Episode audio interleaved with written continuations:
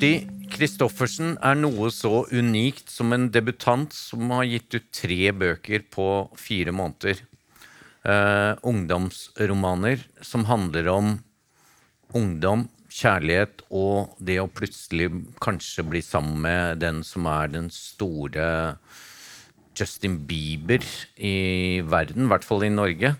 Uh, hun er eh, jeg pleier å si det, hun jobber på et forlag som uh, ikke er like fint som oss, nemlig Gyldendal. Men hun vil tas godt imot som den fantastiske Cappelen Dam-forfatteren hun er. Ta godt imot Kirsti Kristoffersen. Hallo. Hei. Du, eh, Hans Olav Lahlum pleier å si det er liksom litt taper å gi ut bare én bok i året. Ja. Eh, men tre bøker, det er voldsomt. Ja, det er jo det. Eh, Eller jeg syns jo ikke det. Men, men jeg, jeg veit ikke om jeg kan love at det blir tre i året Sånn fra hvert nå. år? Nei, Nei. Han har gjort det i over ti år nå, da. Ja, men okay. men uh, dette er altså det som er utrolig gøy med dette. Det er en uh, trilogi. Uh, kjendis Hvor begynte vi? Kjendiscrush, kjendiskjæreste, og så nå kjendisgossip. Eh, har kommet ut fra mai, fått strålende kritikker, eh, terningkast eh, fem flere steder. Og er solgt i mange land. Vi kommer tilbake til det. Ikke minst i Tyskland, hvor det var sånn rekordsummer. Fordi de ville at dette er den nye ungdommen i Tyskland trenger dette i 2023 eller 2024, vi er ikke helt sikre. Og vi trodde jo det var eh, en nullfeil der. Vi kommer tilbake til det, altså. Men eh, gi en liten ekstra applaus til at du har internasjonalt gjennombrudd også. Takk. Men eh, fortell, hva, hva, hva er dette for noe? Dette er jo en trilogi som eh, altså For å begynne litt med min bakgrunn, da, så har jeg jo jobbet med tett på ungdom, eller i hvert fall unge jenter, i ganske mange år. Eh, jeg var redaktør i et magasin som het Julia. Eh, deretter så begynte jeg å jobbe i managementet til to ikke helt ukjente popstjerner som heter Marcus Martinus. som jeg fulgte i mange år. Og hele tiden så hadde jeg denne ideen som jeg tror egentlig har vært med meg enda lenger enn det også. fordi alle har vi hatt en eller annen form for en kjendiscrush. Eh, for meg så var det Nick Carter fra Backstreet Boys. Eh, ja, ja. Noen vet hvem det er. Eh, for andre så kan det ha begynt med Beatles. ikke sant? Eller det kan være Morten Harket i a-ha, det kan være One Direction eller det kan være noen helt andre. Men litt den der følelsen av å være fan og ha noen å ha plakater på veggen. Litt den der å se for seg hvordan er det å være sammen med han der, ikke sant? Hvordan, eller hun der. Hvordan er det å kysse han. Eh, og så da eh, å jobbe tett på fans og så jobbet etterpå litt superstjerner, så var jo det en sånn tanke som har vært med meg hele veien. At det var å skrive om den her drømmen som går i oppfyllelse. da, Med at en helt vanlig jente kan bli sammen med noen som blir litt over natta en superstjerne.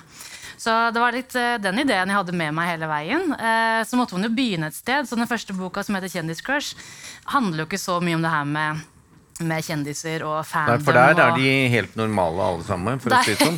De er på en campingplass, for meg litt unormalt, men for deg veldig normalt. For meg er campingplass helt normalt. Eh, Jeg har lært at man skal skrive om ting man kan. Eh, Så jeg, har, eh, jeg hadde campingplass sommerjobb i mange år. Det var som Tanta mi drev en campingplass. Så det er rett og slett den jeg har skrevet om. Jeg trengte jo en plass hvor de her kunne møtes. ikke sant? Karoline og Mathias, to ganske vanlige ungdommer. Karoline skal bli med eh, bestemora si på en campingferie. Det er ikke det du ønsker deg når du er 14 år. eh, Og gjerne vil helst liksom være med noen andre kule venner, møte noen nye folk, være litt sånn, være kul. da. Eh, Men hun er ganske langt ifra kul. eh, Må være med bestemor på campingplass. Og her møter hun da Mathias. eh, Og vi får den første store forelskelsen, det får det første kysset. Det er en sånn typisk sånn klassisk Ja, ikke gå så fort forbi det, da. da. ja. Fordi altså, Hva vil du du si ved nå? Vil du dvele ved kyss? Kysset, ja. antagelig. Ja, fordi jeg må si jeg har jo, Da jeg leste den, så du har jo klart å få frem det jeg tror Det er derfor både tyskerne, svenskene, danskene og færøyerne og hvem det nå er som kjøper det Altså, det er noe utrolig gjenkjennelig. Du har jo klart Altså, du får en sånn Man tenker tilbake. Åh, sånn. Og det, det første kysset Noen av oss har kanskje ikke så god erfaring med det. Har Karoline og Ja, altså, det måtte jo bli sånn. Det måtte Ja. bli den uh, Jeg tenker jo at uh, en eller annen gang i løpet av livet så har vi kanskje alle opplevd en sånn sommer hvor du ikke husker at det regna noensinne, og du, bare liksom, du opplevde noe som var litt sånn unikt. da. Uh, og når man er 14 år, så føles jo altså Alle følelser er så ekte, og det er så stort og det er så eh, massivt. Så det, og ikke minst så opplever man jo alt for første gang. Så det var jo veldig mye det i den første boka der å beskrive hvordan det, den store liksom, følelsen utapå eh, greia, hvordan det er. da. Um, og der har jeg nok henta mye fra hvordan jeg kjente ting som 14-åring. For det tror jeg man aldri glemmer. nettopp fordi det er så sterke følelser som man kjenner alt for første gang. Eh, og i og med at jeg har jobba litt tett på denne målgruppa, så vet jeg også at det skal man ta på alvor. Det er ikke noe som eh, vi som voksne kan si at ja, ja, men du kommer til å bli forelska mange ganger. Det veit du ikke når du er 14 år. Da er det bare den ene som gjelder. Eh, så det har vært en eh, Når jeg skrev det òg, veldig sånn viktig for meg å ta det på alvor. At dette her skal skrives ut som at det er dødsviktig, og det er akkurat det det er. Og i uh, denne første boken, 'Kjendiscrush', uh, så er det sånn at uh, de blir sammen på campingen og sånn, men hun begynner å, å, forstå at det er et eller annet med han som er litt unormalt, holdt jeg på å si. Og det kommer det mer av i 'Kjendiskjæreste'. Fortell litt. Vi skal ikke røpe alt her, men eh, nei. litt mer om uh, hva kan som skjer. Kan ikke spoile alt, men det er tre bøker, så man ja. veit jo at det skjer noe mer. men um, nei, hun, hun, skjønner jo at det, det, er noe som Mathias da ikke helt vil snakke om. Han har en sommerjobb i Oslo som han er litt sånn vag rundt, og litt sånn, så man trenger ikke å være der regelmessig, men han må være der iblant. og Det er litt sånn vanskelig å forstå. Uh, og han snakker det bort, og, og hun tenker jo at herregud, har han egentlig en annen kjæreste, eller hva er det som egentlig skjer der? Um, men det er jo nettopp det som han skjuler. Uten å spoile for mye, så kan man jo si at han i bok nummer to skal jo være med i et kjempestort talentshow eh, som, er, som er hele, hele, Norden skal se på. Og han blir jo fremheva som en av de store store favorittene helt fra start. Da. Som selvfølgelig snur både Karolines verden og ikke minst Mathias sin verden på hodet. Så, og i den boka så har jeg jo prøvd å hente fram mye erfaring eh, av det jeg kjenner fra det litt der bakomlivet. Ja, for der, der, er det sånn Karoline møter litt sånn bitchy eh, dame som jeg tenkte var inspirert av deg selv, egentlig, som prøver å passe på, passe på artisten uh, jeg Mathias. Jeg prøver ikke å ta det personlig. Nei, nei, nei, men uh, du har kanskje det, det, er jo at uh, det er noen som skal passe på at artisten får liksom fred og ro. Ja, det er jo en managerrolle inne her, og det er jo nøyaktig det jeg jobba med. Jeg har skrevet henne mye kjipere enn det jeg tror jeg er. Ja, så akkurat det var riktig. altså Det var ikke en fornærmelse, egentlig. Nei, men det er jo altså, det er litt sånn Når voksne settes til å passe på liksom, ungdom i den her, så er det ikke alltid alltid med eh, altså Det er med de beste hensikter, men det er ikke alltid man forstår hvorfor de voksne gjør som de gjør. på en måte. Så det er jo, og Fra Karolines synsvinkel da, at man blir utsatt for noen ganske sånne kjipe voksne, eh, det er jo litt morsomt. Eh, Syns jeg å skrive, i hvert fall. Absolutt, det er ja. kjempemorsomt. Det som er litt frustrerende for både meg og helt sikkert de ungdommene som leser dette, det er at du bruker jo teknikker fra film og fra andre, nemlig en ekstremt cliffhanger eh, mellom bøkene. Mm. Første til andre, men så helt ekstremt mellom andre og tredje. Mm. Og da er det litt sånn uh, Som frustrerte meg, da. Sånn jeg følte meg som en ungdom. Fordi det er akkurat det derre uh, semifinalen ferdig i dette. Hvem er det som kommer til liksom Spektrum, eller Telenor ja. Arena? Spektrum. Mm. Hvem vinner? Det kan du se i neste bok. Hilsen Kirsti, liksom. ja. Ja, nei, det er jo skrevet uh, Når vi først fant ut at, det skulle, at det her skulle ikke bare være én bok, men det skulle være tre bøker, så forsto vi også at det er smart å gi ut ganske kjapt etter hverandre, sånn at den målgruppa her slipper å vente for lenge. Det er en utålmodig målgruppe som uh, er mange andre steder enn i bøkene. ikke sant? De er på TikTok, de er på Instagram, og de er steder hvor de er vant til å få ting veldig kjapt. Uh, så det ville vært veldig dumt å vente for lenge. men da gjelder det også å gjøre det desto mer spennende fra, i overgangen fra den ene boka til den neste. Da. Så den, jeg fikk jo veldig, jeg har fått veldig mye meldinger, særlig mellom bok to og tre, om at bare, men nå må du fortelle åssen det går. Fordi det, det ender altfor plutselig.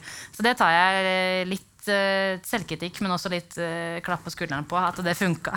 og heldigvis til deg der hjemme, bøkene fins i bokhandel. Også den siste nå. Ja, nå er alle ute, og det er veldig deilig. Men du, um, vi har også gjort noen grep. Du har um, fått laget musikk som er eh, liksom laget av Mathias, som vi har gitt ut, og som fins ute på Spotify. og Ja. Fortell om det. Det gjorde vi til bok nummer to. Eh, når vi satt og drodla litt rundt eh, hva er det som egentlig foregår i et sånt talentshow. Jo, man er med og man synger coverlåter, men på slutten så er det jo ofte sånn at i finalen så skal alle komme med sin egen låt som skal gis ut. Eh, og så i, i, i samtale med forlaget så, så snakket vi om at hvor gøy hadde det ikke vært å faktisk om Mathias skulle gi ut en låt på ordentlig. Og den tanken på at, eh, at det her universet utvides. At det her kjendiskjæreste-universet faktisk kanskje nesten fins på ordentlig. At noen leser det og får lyst til å google underveis og faktisk finner at Mathias har gitt ut en låt. Kanskje underveis i bok nummer én. Den tanken syns jeg bare er helt fantastisk kul. Og så, mm, i og med at jeg har jobbet da, litt management og har litt uh, kontakter fra musikkbransjen, så, så spurte jeg uh, Atle Pettersen, uh, som er både eh, produsent, og han spiller mange instrumenter. Og, Og programleder i Beat for beat. Programleder for Beat for Beat, ikke minst. Men det er ikke, så, ikke i samme målgruppa. Men eh, jeg spurte han om Nei, men han her eh, er mer målgruppa. For ja, ja. Jeg elsker Beat for Beat. Jeg Ja, ja. det er helt topp. Men jeg spurte om, han, eh, om, om hva han syntes om hele ideen, egentlig. Og så øh, Først så lufta jeg ideen, og så sier han at ja, når skal du spørre om jeg skal gjøre det? Uh, så han tente på det med en gang og syntes det var en veldig gøy greie. Så vi, vi gikk i studio, uh, og vi skrev den eh, låten som da heter 'Every Song', uh, som Mathias gir ut i bok nummer to. Da. Og det er, det, er, det er en utrolig kul måte å liksom Særlig for denne målgruppa som er mye på nett, og som er mye bruker nettet på en annen måte enn det vi gjør. Å kunne utvide når du først da leser en bok, når jeg har fått dem til å lese disse bøkene, kan se at eh, men disse, denne, denne verden her finner du også et annet sted, og du finner det også i mobilen din, og du kan høre på musikken, og du kan Og, se og til uh, seerne der hjemme, si tydelig hva heter låta, hva er artisten, og hvordan finner de dette? Ja. Eh, Låten heter Every Song. Eh, Artisten heter Mathias Lund, eh, og du finner den på Spotify og YouTube. og der hvor du strømmer musikk ellers. Og det er, eh, den er en veldig kul og catchy låt. Altså, det må jeg si. Så den, Og da håper jeg, når dere kommer hjem, så sjekker du ut Mathias Lund. Spotify. ja. Men du, du jobber jo, som jeg innledet litt eh, ertete med, at du jobber jo et annet uh, norsk forlag, Ja. Gyldendal. Eh, Hva er det du driver med der? Der er jeg også en slags eh, manager egentlig, for noen av eh, de største forfatterne våre der. Så jeg gikk jo fra, gikk fra å jobbe med management med sånn popstjerner og programledere og bloggere og sånne ting som gjerne vil være ute i offentligheten og gjøre mye forskjellige ting, til å begynne å jobbe med forfattere og prøve å dytte dem ut til å gjøre litt flere ting. Så det er egentlig det som eh, det er det jeg jobber med. Da, å være litt manager, rådgiver, eh, merkevarebygger for de, rett og slett. Hvordan føler du da at Norges største og viktigste forlag klarer å dytte ut deg? Ja, en godt spørsmål. Jeg syns dere gjør en bra jobb. Ja. Jeg får jo være her og få gitt en ok, låt. ok, og, ja da. Men du, det jeg lurte på, hvordan eh, Altså, én ting er å ha en idé, men hvordan har du konkret uh, klart å jobbe med dette og få det ut samtidig? Altså, det er et stort prosjekt å debutere med. Det er et stort prosjekt, og jeg begynte jo med å skrive hele storyen fra A til Å. Og så, så, jo, så var forlaget sånn at ja, dette er veldig fint, men det er jo altfor langt. Eh, så det var da vi så på kan vi dele det opp i to eller kanskje tre. Eh, og så har det egentlig vært eh, kontinuerlig skriving med, ja, fra begynnelse til slutt. Da, og så bestemme liksom å gi hver bøkene ikke bare en cliffhanger, men at det også skulle være en egen historie i hver av de. Du er nesten nødt til å begynne på den første for å fullføre alle tre, tror jeg. De står ikke så godt aleine, men det, er, eh, det, har vært, eh, det har vært veldig veldig spennende å jobbe med. Eh, Og særlig med tanke på at denne ideen har vært med så lenge. Jeg tenker også at det at det skulle være feel good, har vært veldig viktig for meg. Det skal bare være gøy, eh, morsomt, spennende. Du skal kile i magen når man leser det for denne målgruppa.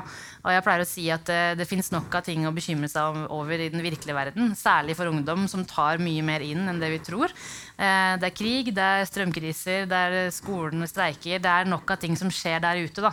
Å kunne gi ut bøker som virkelig bare skal være et fristed, har vært eh, veldig veldig viktig for meg. Eh, at det bare skal være pure feel good. Du skjønner at det kommer til å gå bra til slutt, men at du lar deg liksom få lulle inn i en sånn eh, veldig fin fantasiverden og rømme litt fra virkeligheten. da. Ja, og jeg pleier å si at eh, altså Lucinda Riley er jo Norges mestselgende feelgood-forfatter. Mm. Her har vi fått en norsk Lucinda Riley for ungdom. Ja. Helt fantastisk. Ja. Men du, hvordan er det helt til slutt? Ja.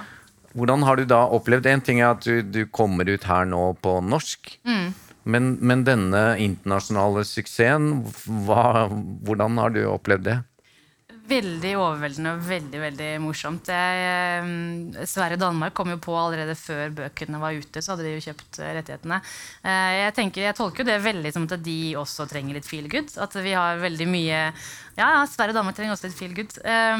At det fins veldig mange gode ungdomsbøker der ute som tar opp og problematiserer veldig viktige ting. Altså det er Problematisering rundt legning, eller om det er rundt at man har vanskelig hjemme, eller whatsoever. Men at jeg tolker det veldig som at andre land også uh, gjerne hungrer litt etter feelgood akkurat nå. Da. At jeg kanskje har truffet noe i tiden som, som flere er på jakt etter. Og da da agenten her på Capernaum ringte og sa at nå er Tyskland på banen og fortalte at de skulle ha alle tre, og at dette her var kjempestort, da, da måtte jeg grine litt i sofaen. For det, det syns jeg var skikkelig skikkelig stort. Og da fikk du jo også et kjærlighetsbrev fra den redaksjonssjefen, som var bare det. sånn over seg. Men ja. Jeg håper og tror at uh, det kule her, dette er bøker for ungdom. Både gutter og jenter vil kjenne seg ekstremt godt igjen. Og kanskje vil de gjøre sånn som meg, gråte litt og drømme om det første kysset. Gi en kjempeapplaus til Kirsti Kristoffersen. Tusen takk. Boktips, en podkast fra Cappelen Dam.